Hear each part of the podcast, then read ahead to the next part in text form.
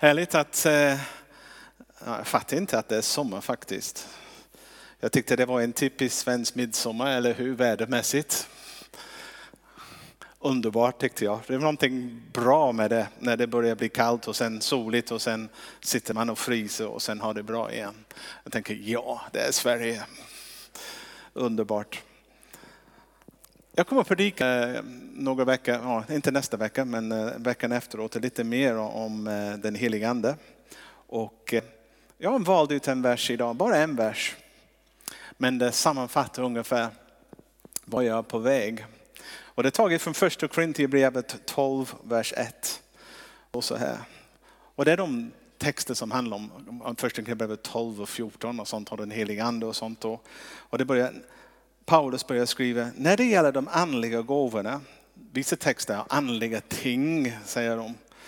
Bröder, och jag vill tillägga syster också, vill jag att ni inte ska vara okunniga. När det gäller de andliga gåvor, bröder och syster, vill jag inte att ni ska vara okunniga. Herren, vi vill inte vara okunniga heller.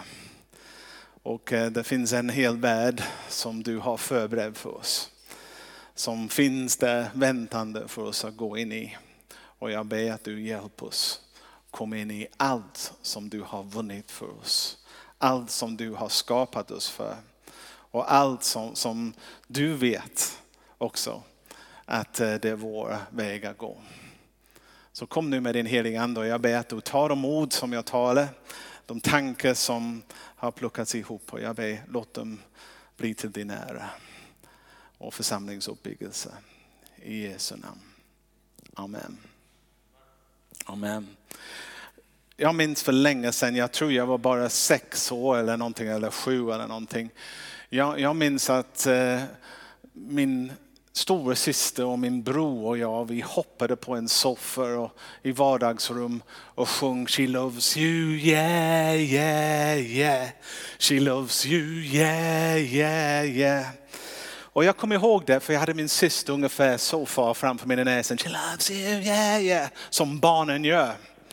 Och eh, vi hade just tittat på, på The Beatles på tv. Och eh, det var ganska nytt för oss för det var en nyinskaffad tv. En stor låda med en liten skärm som svartvit förstås. Och då hade vi tittat på den här märkliga gruppen, den här musiken och vi sjöng för full hals och hoppade runt omkring. Eh, the Beatles, de hade tagit världen vid storm. Uh, verkligen. Och, och, de hade öppnat upp en helt ny musikstil och skapat en helt ny musikform som världen var tokig efter. De hade mängder människor som ville lyssna till dem. Även i USA det var bara massor av folk hela tiden som ville vara med och lyssna till dem. Men det dröjde inte så länge innan The Beatles började må inte riktigt bra. Man kan säga att de gick från kris till kris och, och det, det är lätt egentligen. Eh, för att, ja, man kan säga hantera framgång. En ung, ung person som ska hantera så mycket framgång och så mycket, de av, avgudade dem nästan, många människor. De hade tillgång till alldeles för mycket pengar. Då fanns det också droger och alkohol och inte minst massa upphetsade tjejer som vill ha dem också. Och det krävde mera karaktärer de tydligen hade. Och eh, de mår inte bra. Och man kan tänka, hur kan man må inte bra när man har allt som man egentligen har önskat sig? När det finns ingen gräns för vad du kan köpa eller någonting annat. Ja, man kan ställa den frågan, jag hoppas jag kommer åt det. Men eftersom de skrev sina sånger utifrån sin erfarenheter. erfarenhet. Det är lite grann som ABBA. Om du följer ABBA, alla deras textlåtar, de skrev om allt som de gjorde, till och med sina skilsmässor och allt sånt. Och du förföljer deras resa genom livet också, genom texterna på deras sånger. Och så är det också med The Beatles. Man kunde läsa mellan raderna den ångest som de upplevde och hur jobbigt det var. Och jag har tänkt på det, jag har, har du skrivit upp det? Ja, Emil, han är bra Emil. Han tar mina anteckningar och han gör något bra av dem. Också. Här är en text, det är på engelska, jag ska säga lite grann på svenska för ni som inte kan det. Help, I need somebody. Help, I need somebody. Help, you know I need somebody. Jag tror det finns att de försöker säga något. Ja, han säger, when I was younger, so much younger than today, I never needed anybody's help in any way. But now these days are gone. I'm not so self, self-assured. Now I've changed my mind. I've opened up the doors. Man tänker, vilken dörr är det de har öppnat? Som de gillar inte att de har öppnat. Help if you can, I'm feeling down. And I do appreciate you being around. Help me get my feet back on the ground. Won't you please, please help me? Det är rop på ni som inte kan engelska. Rop så här, hjälp, jag behöver någon som kan hjälpa mig. Hjälpa mig. Tidigare jag bara, livet bara gick och det var okej, okay, men nu, nu är jag vilsna. Jag behöver någon som kan hjälpa mig landa igen. Ja. Vad gör man? När man har fått allt som denna värld kan erbjuda, rikedom, beröm, status och betraktat det som kung eller avguda. Samtidigt som det fattas någonting väsentligt inom dig och din själ bara verkar. Och tomheten bara växer. Den tragiska är att, eh, ja, i stort sett egentligen, kyrkan missade deras rop om hjälp. Kyrkan hade ägnat all sin kraft, och det var inte mycket kraft i England i 60-talet. Det var en ganska likgiltig rörelse och det hade tappat mycket av sin energi. Eh, den stora uppväckande faktiskt kom i början på 70-talet, det är lite sånt med, med ny, ny liv i England. Men i 60-talet det var inte mycket. De ägde den, den kraft de hade genom att kritisera och fördöma de här lösaktiga killarna. Det var hjälp de fick från kyrkan. Kyrkan bara, aj, aj, det är fel, det är synd och allt sådär. Bara så sin stora pekfinger åt de killarna. De lyssnade inte till deras budskap om hjälp och tänkte, ska jag kunna hjälpa dem? Däremot ja, det var tra tragiskt. Däremot det fanns de som hörde deras rop på hjälp och tänkte, men vi ska erbjuda vad vi har. Och en av de största som klev fram och skulle hjälpa dem var Harry Krishna. Han hörde deras rop om hjälp och erbjöd dem en surrogat. Han sa, ni behöver ett andligt liv. Men hans andligt liv var inte Jesus hade. Det var en surrogat, någonting som är lite mer okultiskt i sin ursprung.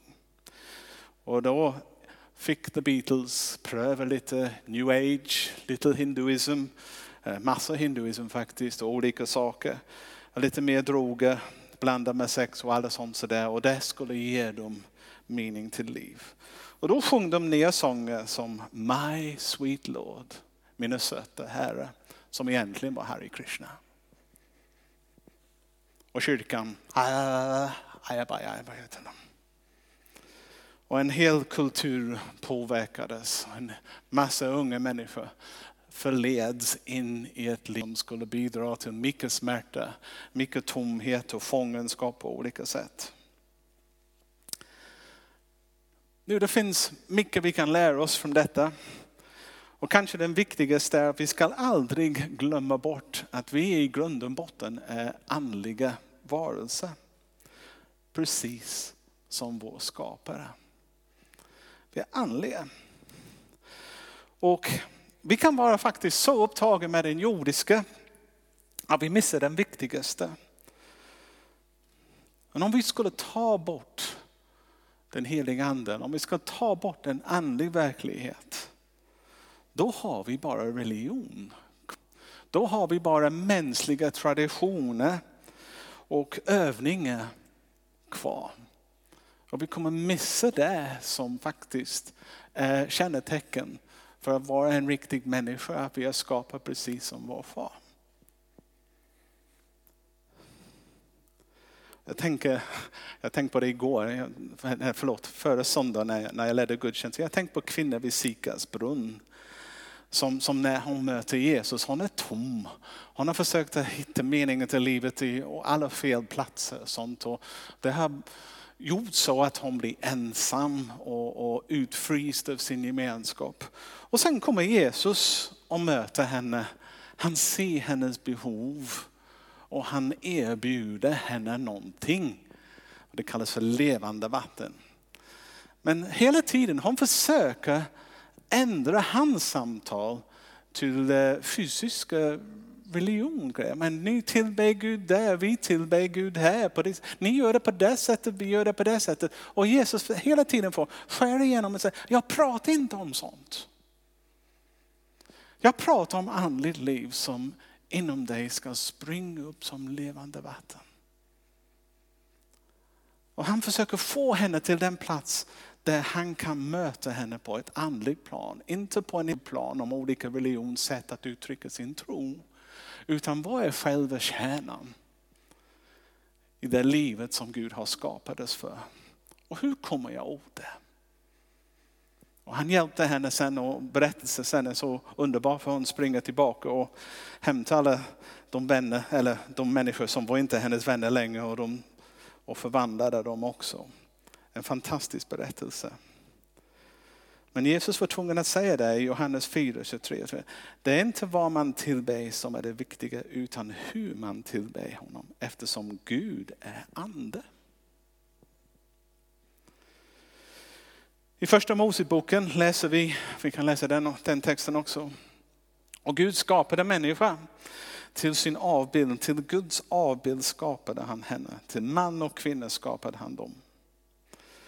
Och Herren Gud formade människa av stoft från jorden och blåste in livsande i hennes näsa. Så blev människan en levande själ. När Guds ande hade kommit in i dem. Och Bibeln beskriver Gud som ande. Man tänker, hur är Gud? Ja, det är väldigt svårt att beskriva hur Gud är ande. Det står det i Bibeln. Gud är ande och de som tillber honom måste tillbe honom i ande och sanningen. står det. Den tillbedjan som Gud tar emot med glädje är en andlig tillbedjan. Den, det, det, är inte bara en fysiskt, eh, vad kan man säga, en ritualgrej. Nu får ni tolka mig rätt också när jag pratar. Jag, så här är det. Ritual, det finns ingenting fel i ritualer. Att till exempel när ni befinner er i kyrkan idag och firar gudstjänst. Ni utför, utgör en andlig ritual. Men det är inte själva kommer komma till kyrkan som är grejer. Det är inte, samma, det är inte bara att sjunga sånger som är grejer när man kommer. Ritual är en plats där man hämtar upp Gud. Eller man kopplar sig upp igen. Och sen börjar resan. Det är inte själva grejen som vi gör eller säger eller sjunger. Det är relationer som vi går in i som är den avgörande. Om det är en andligt liv eller inte. Men eh, det är genom vår ande som möter Guds ande som det blir liv. Inget annat. Och det finns ingen annat sätt att möta Gud än att vi möter honom med vår innersta. Eller möter honom inne i själen. Eh, och vi, kan, vi kanske tycker att det är lite svårt, hur gör man det? Eh, hur, hur kommer man på den typen av nivå? Och då, då, måste vi tänka att även Gud har tänkt på det också. Han, så han någon som han kallar hjälparen.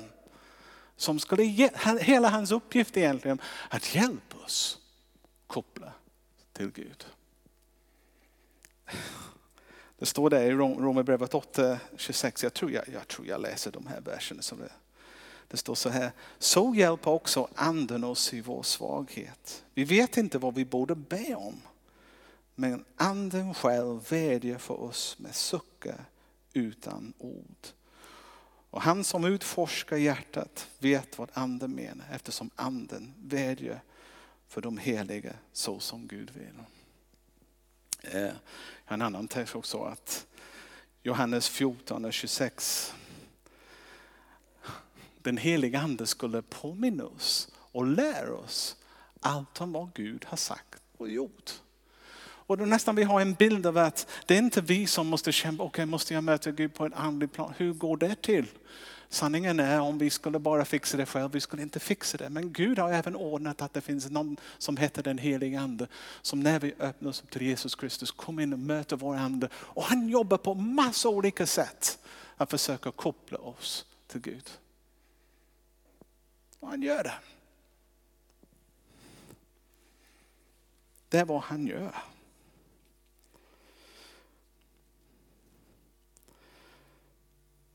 Också evigheten har Gud lagt i människors hjärtan. Det står i Predikaren 3, vers 11. Och den helige ande kopplas till den evigheten som Gud har lagt i oss. Han börjar väcka oss till liv och därför ordet väckelse kommer. Vissa människor, jag, jag tror att Benjamin har skrivit en en uppsats om de här ämnena, väcka. Vissa, vissa grupper tidiga kristna pratar inte om de var omvända, de pratar mer, använda termer, de väcktes. Det var, något, det var som att, oj, jag var, tidigare sov jag men plötsligt befann jag mig i en ny verklighet. En djupare gemenskap med Gud. de använder ordet väckt. En väldigt bra beskrivning faktiskt, av vi gör det. Om vi tror att vi kan vinna människor för Jesus utan den helige Ande är vi, är vi, har vi missat någonting väldigt viktigt och vi är grundlurade. Och den enda egentligen som kan väcka människor är den helige Ande. Och den enda som kan ha en människa förändra sin djupaste inställning är när Gud genom den helige Ande möter deras ande och ett nytt liv formas. Och det kommer. Självklart vill inte fienden att vi ska mötas på denna planen. Och det är just här där den kampen är hårdast. För fienden jobbar hur hårt som helst att kyrkan får inte vara en andlig plats. Visst får vi sjunga sånger, visst kan vi gå igenom ritualer, men han vill göra allt att vi ska hålla oss borta från att tro att det finns ett djupare sätt att nå Gud än bara på kunskapens nivå. Och den taktik han har använt under hela kyrkans historia när han försöker få kyrkan att enbart syssla med ritualer, religiösa ritualer eller hålla sig innanför de förnuftiga och vetenskapliga gränser. Ni ska inte tro på under, ni ska inte tro på tecken, under och tecken. Ni ska inte ha någonting typ som en karismatisk liv, en profetisk liv. Det är omöjligt. Men vetenskap är fel verktyg för att forska i Gud. Bibeln beskriver Gud som kärlek. Kärlek, ja. Försöka att forska i det med vetenskaplig verktyg. Det är fel verktyg om man vill veta vad, vad kärleken är. Om vi begränsar oss till bara till vetenskapliga kommer vi bara betrakta någonting och försöker se, ja det måste vara någonting där på grund av att de två måste vara skäl för att vi ser hur de beter sig. Men du kan inte ta kärleken framför en mikroskop och säga vad det är. Du kan inte analysera det, bara hur det fungerar. Du kan inte plocka åt sidan och säga detta är kärlek. Du kan bara, det, det, det, för det ligger på den andliga planen. Och så är det med Gud. Det är väldigt svårt att, om vi begär, och jag, jag, här har jag kämpat många gånger som försöker läsa teologi ibland när själva systemet vill att du ställer dig på en neutral plats och försöker beskåda en sak och, och försöker analysera det. Du skriver om Gud eller försöker betrakta Gud och betrakta människor och försöker skriva någonting däremellan. Nej, det är inte på det sättet som det går. Om du vill beskriva Gud måste man vara, gå in i honom in i hans liv.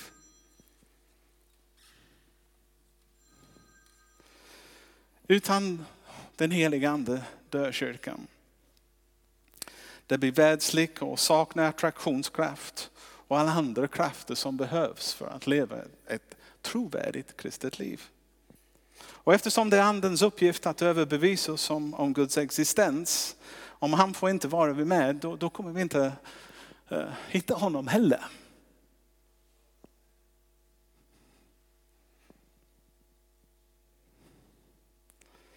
Om han stängs ut från den plats, eller om man betraktar honom med försiktighet och tänker, åh, jag är inte säker att du kommer leda mig rätt. Eller så. Vi vill inte ha något. Ja, ni kan tror tro att jag är dum när jag säger men jag pratar med så många, även pastorer, som har sagt att jag vill inte ha den helige ande i vår kyrka för det blir bara kaos. Så jag tänker, men, kan man ha en levande församling utan den helige ande? Är det möjligt att lära känna Gud utan att tillåta den helige ande hjälpa oss förstå vem Gud är? Nej. Är det möjligt att läsa Bibeln utan att den heliga ande lyfter upp sanningen för oss och belyser oss? Livet som finns där. Det går inte. Om vi stänger ut den heliga ande, då har vi ingen levande kyrka.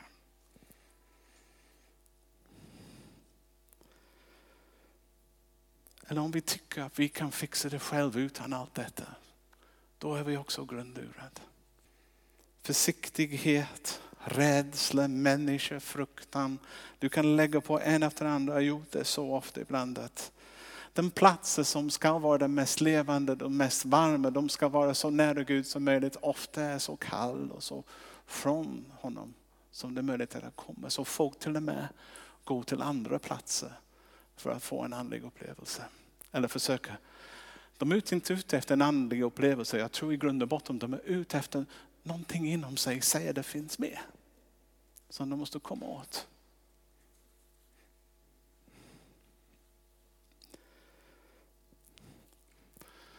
En annan sätt, om man, man ber ibland, om man tänker, om du läser väckelsehistoria, du har inte funnit en väckelse som inte haft under och tecken som sker samtidigt. Konstigt, eller hur? Varje gång det finns en period när många människor kommer till tro, det är också en massa annat som händer också samtidigt.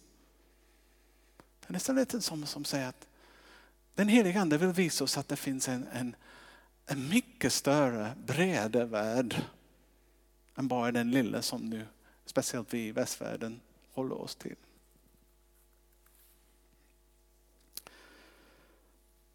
En annan taktik som han har varit bara att använda mot kyrkan är att få en ond ande som leder bort människor från Jesus. Och det har församlingen kämpat med under alla tider, falska ande. Eh, Paulus skriver så här i Efesierbrevet kapitel 6, vers 12. Till vi strider inte mot kött och blod utan mot första och väldigheter och världshärskare här i mörkret. Mot ondskans andemakter i himlarna. Och det är de ondskans andemakter som försöker härma den gode och försöker lura människor in i en annan värld. Och detta är också en annan surrogatform. Och den försöker ersätta den sunda som Gud har skickat med någonting som är långt ifrån sund. Och då är, det, då är vi mycket, mycket inne i new age och sånt. Och jag har haft många samtal med folk och säger, men vad ni gör lika med new age? Jag säger, nej, det finns någon som försöker härma det, men bara se vad den leder till jämför med vad den, den helige ande leder till. Och du kommer se skillnaden. Och sen också den helige ande ger gåvor, en av dem är urskiljningsgåvor som är försök, det är en gåva som församlingen måste ha att se vem, vad är synd och vad är inte synd. Så församlingen faktiskt har verktyg för att avgöra vad man, det är bara om vi använder dem. Och sen finns det också många beprövade sätt att, eh, att, eh, testa. Och en av de mest framgångsrika, viktiga, är bara att prata mycket om Jesus. Och mycket Jesus. Och det mer Jesus du får, du märker att eh, någonting blir obekväm om det inte är den helige Ande. Och jag har till och med varit på så kallade kristna konferenser när, när ledare på denna konferens sa idag ska vi prata om Gud men eh, vi ska bara använda namnet Gud. Och jag ställde frågan, får inte Jesus vara med då? Han sa nej. Alltså, då är detta ingen kristen konferens. Men han sa nej, men vi måste förenas med alla de andra. sa, men du kan inte förena det som inte går att förenas.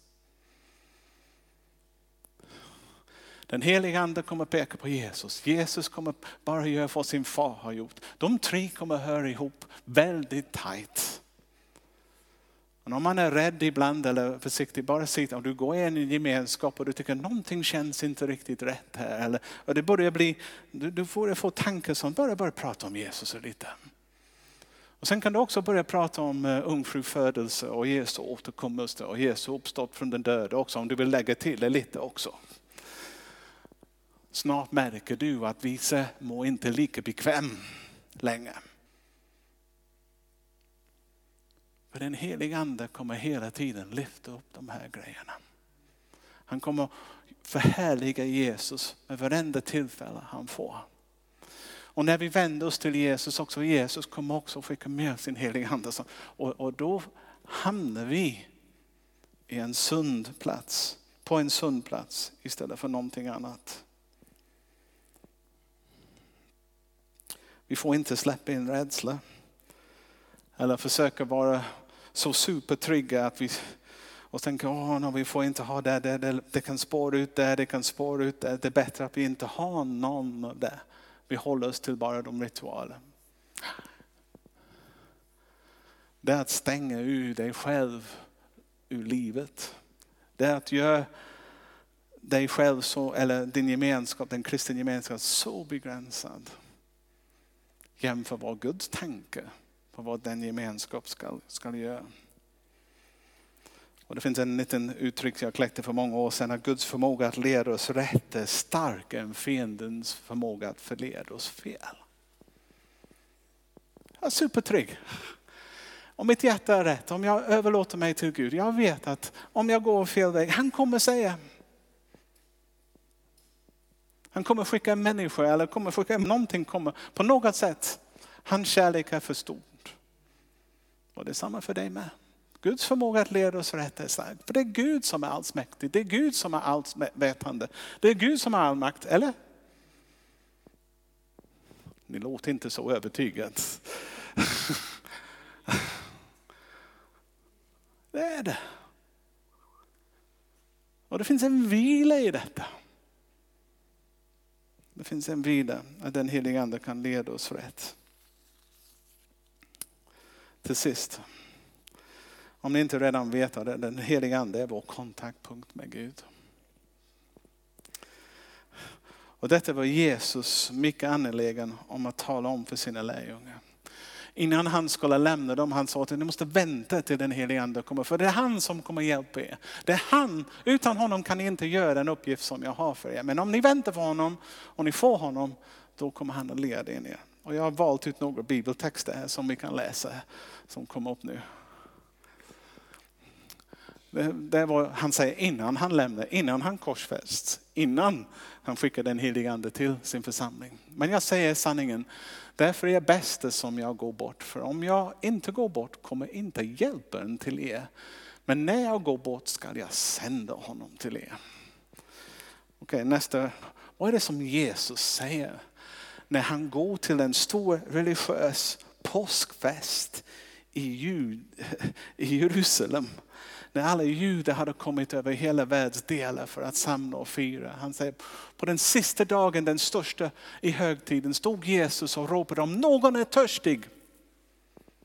Men han menar inte att de vill ha en glas vatten eller någonting. Han menar andligt törstig. Om, om, du, om du längtar efter någonting annat, han säger kom till mig och drick. Den som tror på mig, som skriften säger, ur hans innersta ska strömmar av levande vatten flyta fram. Detta sade han om anden som de skulle få som trodde på honom. Anden hade nämligen inte kommit än eftersom Jesus ännu inte hade blivit förhärligad. Men sen blev han återupptagen till himlen och då blev han förhärligad också. Och sen en annan text där som amazing verse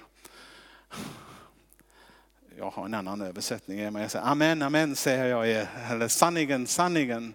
Den som tror på mig skall göra de gärningar som jag gör. Och större än det skall han göra. för jag går till Fadern. Och när han går till Fadern skickar han den.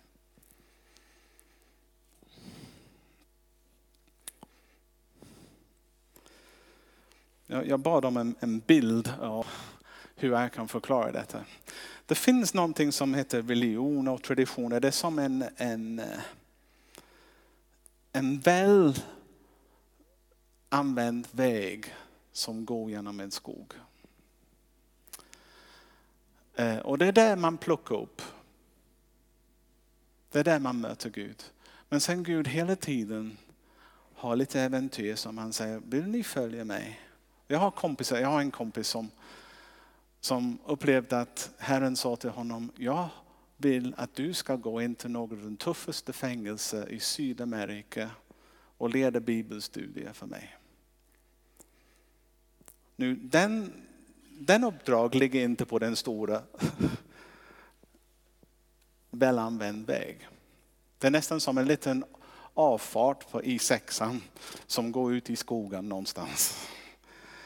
Och, och han är övertygad om att den helige ande vill leda honom in i det. Så han pratar med sina vänner som finns på den stora vägen och de säger, var inte dum, de kommer döda dig. De är så kriminella, det är de kriminella som, i de fängelser till exempel, det är inte fångvakter som, som råder där, det är den tuffaste skurken.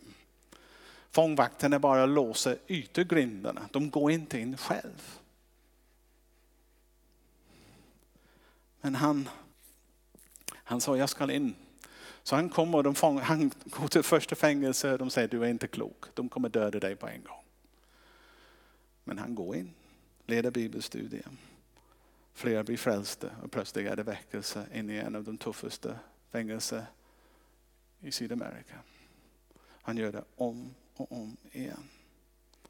Jackie Pullinger plötsligt får uppleva att Gud säger till henne, gå och jobba med knarkare i Hongkong.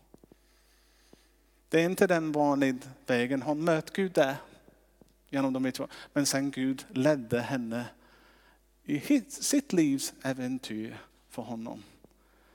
Och gör det som ingen annan gjorde på inget vanligt sätt. För att tillföra liv och hopp. Jag kunde ge tusentals exempel på olika människor som har gått på olika missionsuppdrag, gjort omöjliga saker. Tack vare att de möt Gud när de kom till kyrkan. Det är där som relationen startade och kom igång. Men sen började de sitt livs vandring. Och de lever fullt ut. En annan den här mannen, eh, jag, jag förundrar honom. Han, han är pastor för en eh, församling i Kanada. Med många handikappade, psykiskt sjuka. Alla de som ingen annan vill ha, de har i sin kyrka. Och de möter Gud hela tiden.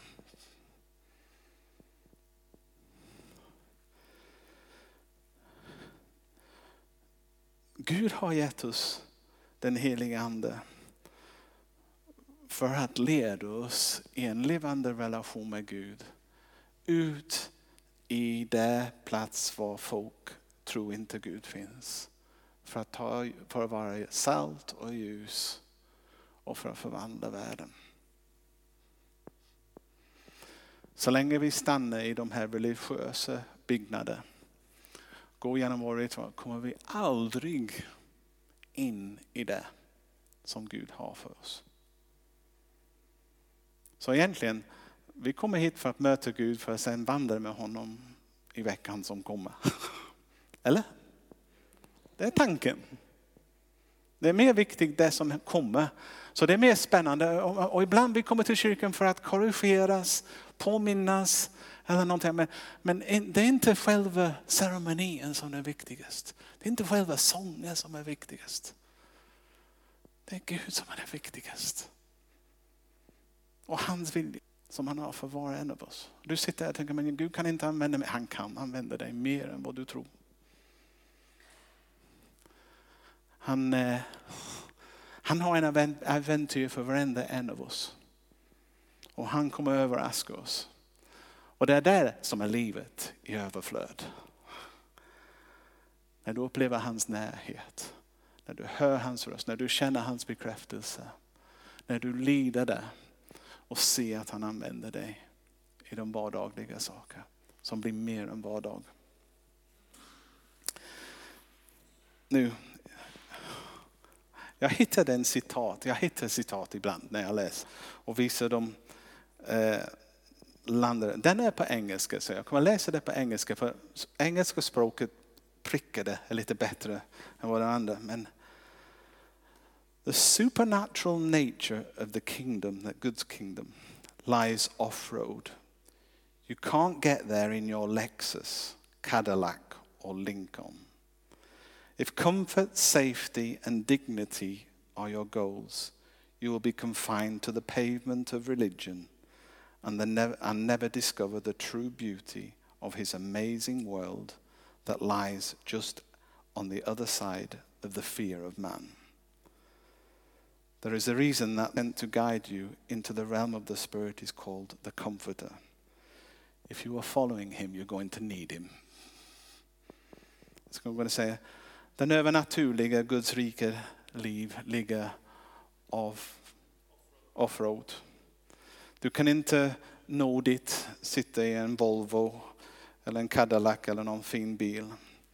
Om trygghet, värdighet är ditt mål. Du kommer begränsas bara till eh, trutaner av religion. Och aldrig upptäcka den vackra, otroligt värld som ligger utanför den världen. Och sen finns det en, det finns en anledning till att den helige ande kallas för tröstare. För att om du följer Jesus, du kommer behöva honom. Vi behöver honom vänner. Och det finns ett liv. Och jag vill med denna predikan bara försöka säga till er att det livet som Jesus har för oss först och främst är ett andligt liv. Och den slutar aldrig vid döden, den fortsätter i evigheten. Ska vi stå upp och vi kan be innan vi går.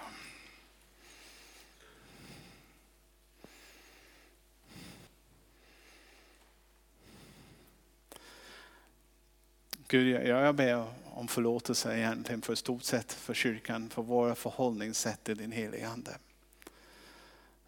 Ibland älskar vi våra traditioner mer än vi gör själva livet. Ibland blir jag rädd för dig istället för att vara öppen för dig. Ibland blir vi så självsäkert att vi tror att vi kan göra en massa saker utan dig. Och det blir bara saker. Det tillför inget liv.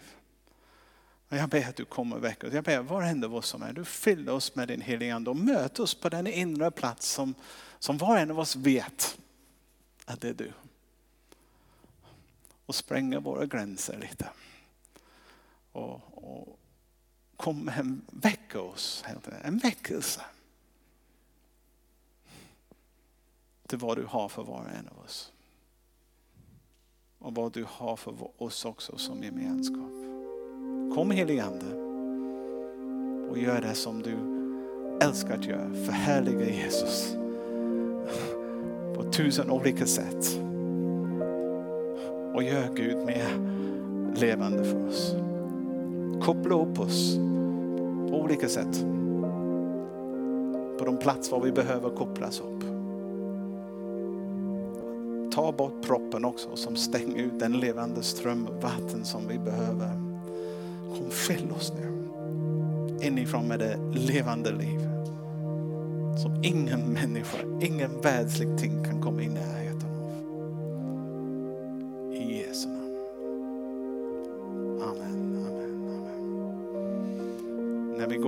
och tillbedjan nu och sånt, gör din egen det finns ingenting som vi måste eller måste inte göra. Det är din respons till vad Gud gör som är viktigast.